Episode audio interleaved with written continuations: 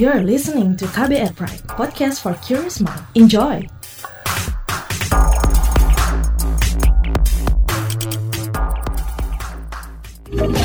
Kamu lagi dengerin What's Trending KBR Pagi.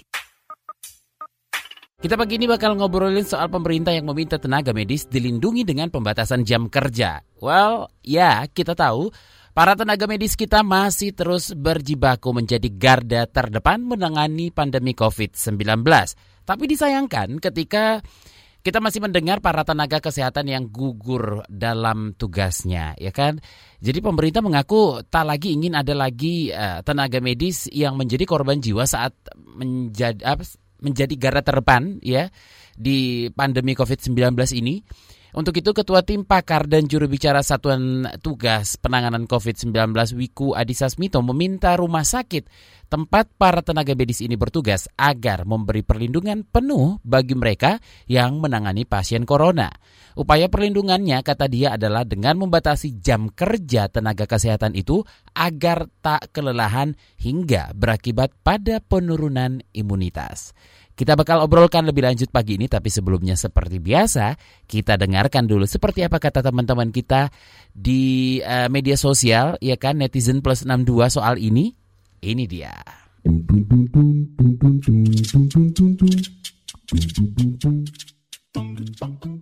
Pertama, akun @ulhamd1 bilang, apakah ada metode pembatasan jam kerja dokter dan nakes supaya istirahat sebelum lelah? Misalkan 4 jam gantian. Akun @mrezza_ptr bilang, mall dibuka, ada keramaian, kasus positif naik drastis. Nakes kelelahan, pemerintah nyalain masyarakat nggak disiplin. Wow, kalau akun Agusari bilang, masalahnya kita sudah kekurangan tenaga medis, bahkan saat ini, dan kita tidak bisa punya dokter tambahan dalam sekejap. Sedangkan akun Ngabdul bilang, untuk menambah kekurangan tenaga medis, bagaimana kalau pejabat-pejabat Ed Kemenkes RI yang dokter termasuk menterinya diperbantukan ke RSRS rujukan COVID saja? Akun @leoni secret bilang, BTW teman-teman jaga kesehatan ya, pertahankan atau tingkatkan imun. Karena mayoritas korban meninggal, at least di Surabaya atau Sidoarjo adalah mereka yang punya penyakit bawaan. Nakes yang kelelahan parah.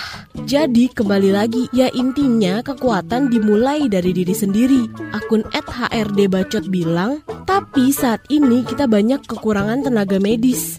Nah, yang terakhir akun Ed Inayah Rashid bilang, dokter di Jakarta sudah mulai lelah karena bekerja tanpa henti tangani corona.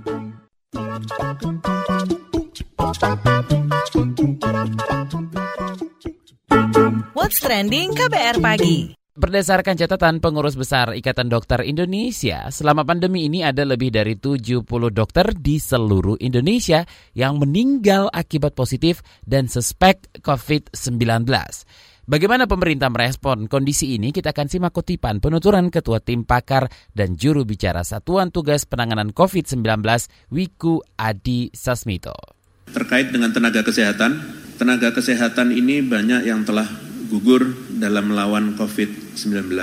Pemerintah tidak memiliki toleransi terhadap kondisi ini dan kami berusaha keras untuk mencegah terjadinya korban yang lebih banyak lagi. Kami turut berbela sungkawa sedalam-dalamnya kepada seluruh keluarga dan rekan sejawat tenaga kesehatan yang ditinggalkan. Perlu diketahui, Indonesia memiliki ketimpangan rasio tenaga kesehatan, maka dari itu sejak awal penanganan COVID-19 kami sangat menitik beratkan perlindungan tenaga kesehatan sebagai prioritas utama seperti yang diarahkan oleh Ketua Satuan Tugas Penanganan COVID-19. Adapun langkah mitigasi yang kami lakukan yaitu memastikan bahwa tenaga kesehatan mendapatkan akses dan proteksi alat pelindung diri yang sesuai standar tertinggi internasional. Indonesia telah memiliki alat pelindung diri buatan lokal dengan nama INA United yang telah lolos dengan standar internasional tertinggi yaitu ISO 16604. Kami terus mendorong agar seluruh tenaga kesehatan di Indonesia bisa mendapatkan APD yang berstandar dan rekan-rekan tenaga kesehatan diingatkan untuk menggunakan dan melepaskan APD sesuai prosedur dalam penanganan pasien COVID-19. Selain ini, kami ingin mengingatkan kepada setiap rumah sakit untuk memberikan perlindungan penuh pada para tenaga kesehatan yang menangani pasien COVID-19 berupa pembatasan jam kerja agar tidak kelelahan yang dapat berakibat pada penurunan imunitas. Bersama kita saling menjaga, bersatu kita bisa. Efek dari pandemi ini masih akan dirasakan hingga beberapa dekade mendatang. Dan saat ini WHO bersama banyak negara di dunia sangat aktif dan mengakselerasi dalam penyelenggaraan penelitian pengobatan vaksin eh, COVID-19. Meskipun begitu, WHO mengakui bahwa vaksin merupakan solusi jangka panjang. Karena itu, vaksin belum ditemukan pada saat ini, apalagi proses menuju produksi yang masif. Mari jangan menunggu obat dan vaksin, karena kita juga berpacu dengan waktu. Pencegahan atau preventif adalah kunci yang paling utama dalam menekan jumlah kasus maupun uh, kematian. Itu tadi Ketua Tim Pakar dan Juru Bicara Satuan Tugas Penanganan COVID-19 Wiku Adi Sasmito.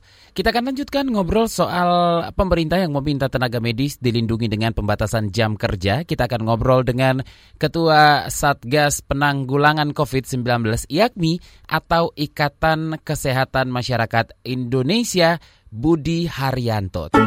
What's Trending KBR Pagi kita lanjutkan ngobrol soal pemerintah minta tenaga medis dilindungi dengan pembatasan jam kerja dan seperti yang saya katakan tadi kita akan ngobrol dengan Ketua Satgas Penanggulangan COVID-19 IAKMI Budi Haryanto.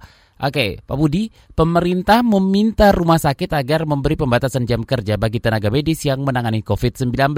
Tanggapan Anda seperti apa ini? Kalau di rumah sakit pengurangan jam kerja dokter, ya dimungkinkan saja ya Cuman kita harus lihat apakah memang dokter di sana itu uh, berapa jam sebenarnya mereka uh, bekerjanya, artinya bekerja dalam hal ketemu dengan pasien ya. Kan berbeda nih kalau bekerja bertemu dengan pasien dan bekerja untuk administrasi gitu ya. Dokter kan pekerjaannya tidak hanya ketemu dengan pasien tapi juga dia harus melakukan hal-hal lain gitu kan kalau di kantor. Nah, kalau kemudian yang dikurangi adalah ketemunya dengan pasien, ya mungkin-mungkin saja dan memang akan bagus dalam artian untuk mengurangi kontak ya, lama kontak dengan si pasien atau katakanlah penderita gitu. Apalagi itu kalau penderita COVID-19 gitu. Nah, masalahnya apa? Karena bagaimanapun kalau dilaporkan penularan yang terbanyak itu kan berada dalam ruang di dalam ruang ya Artinya di dalam di dalam gedung, di dalam ruang yang kebetulan ber AC. Itu yang paling banyak penularan terjadi. Nah, sehingga ketika dokter itu bekerjanya di ruangan ber AC dan uh, cukup lama, maka potensinya untuk tertulari itu kan besar. Dan kita juga lihat bahwa banyak sekali sudah tenaga medis yang meninggal malah tertinggi ya di Asia kalau nggak salah ya di Asia malah di dunia ya tenaga medis tertinggi meninggalnya itu di Indonesia dari Indonesia sehingga pencegahan untuk kontak atau waktu yang cukup lama di dalam ruangan yang beresiko tertulari oleh COVID-19 ya sangat relevan gitu. Nah, apakah kebijakan itu diperlukan oleh para nakes dan tepatkah dilakukan uh, saat ini? Saya kira upaya upaya seperti ini penting ya dan sebenarnya tidak hanya kepada dokternya saja tapi tenaga medisnya juga gitu. Karena yang ada di rumah sakit siapa saja gitu kan. Terus yang kemudian berhubungan dengan pasien siapa saja gitu. Sehingga tenaga medis lain ya katakanlah uh, yang disebut tenaga medis tidak hanya dokter ya. Ada perawat juga ada supporting yang lain juga misalnya yang bagian anestesi bagian yang lainnya juga ya. Para medis lain juga ada. Nah kalau mereka itu kemudian dikurangi ya relevan dari sisi mencegah terjadinya atau mengurangi potensi untuk risiko terhadap penularan dari pasien. Namun kita juga harus ingat dalam kondisi sekarang ini kan jumlah pasiennya banyak sekali nih. Kasusnya kan masih tinggi terus. Sehingga dijamin tidak kalau tenaga medis yang ada di rumah sakit itu dikurangi, tapi ada shift lain ya, artinya ada pergantian tenaga medis yang lain untuk berada di sana gitu. Jadi katakanlah misalnya satu rumah sakit itu bekerja 24 jam. Terus kemudian pada umumnya dibagi dalam tiga shift. Nah, jadi masing-masing shift itu 8 jam.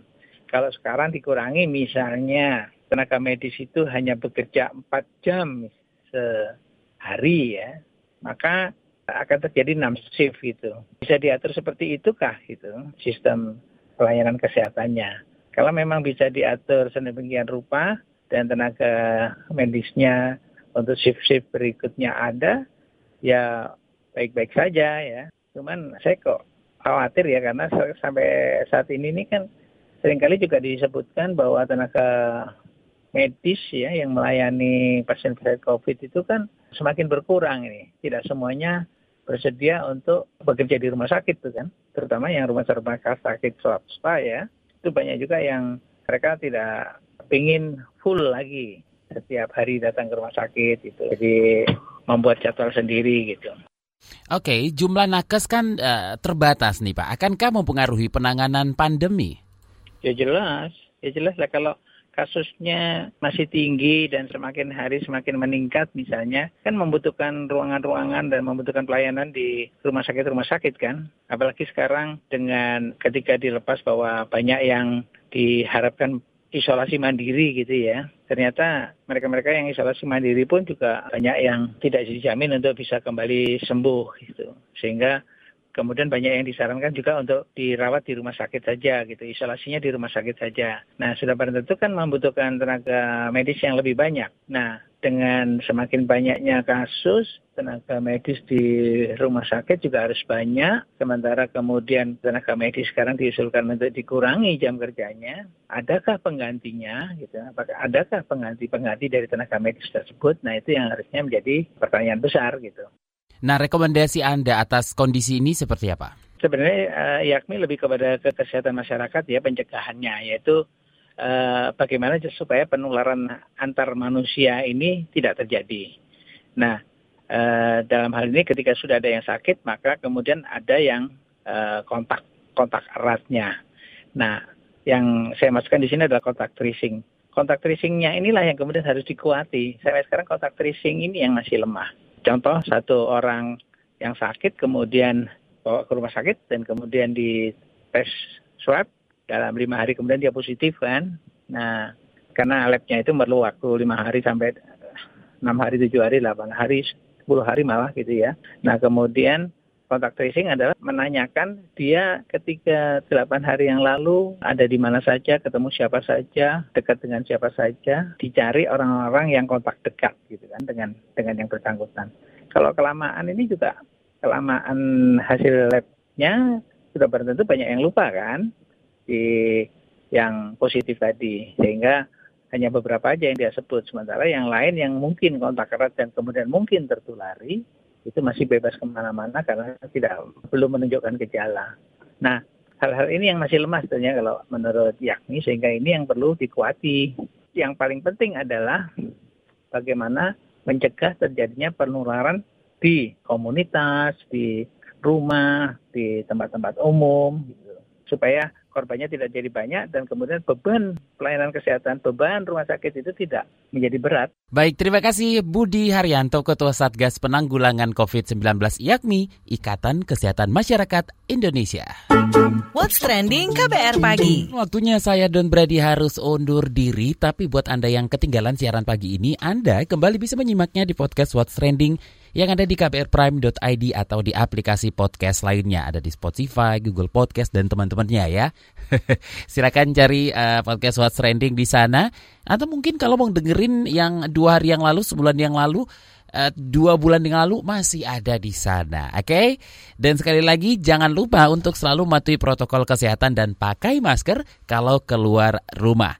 Dan berani pamit, besok ketemu lagi. Have a nice day. Bye-bye. Terima kasih ya sudah dengerin What's Trending KBR Pagi. KBR Prime, cara asik mendengar berita. KBR Prime, podcast for curious mind.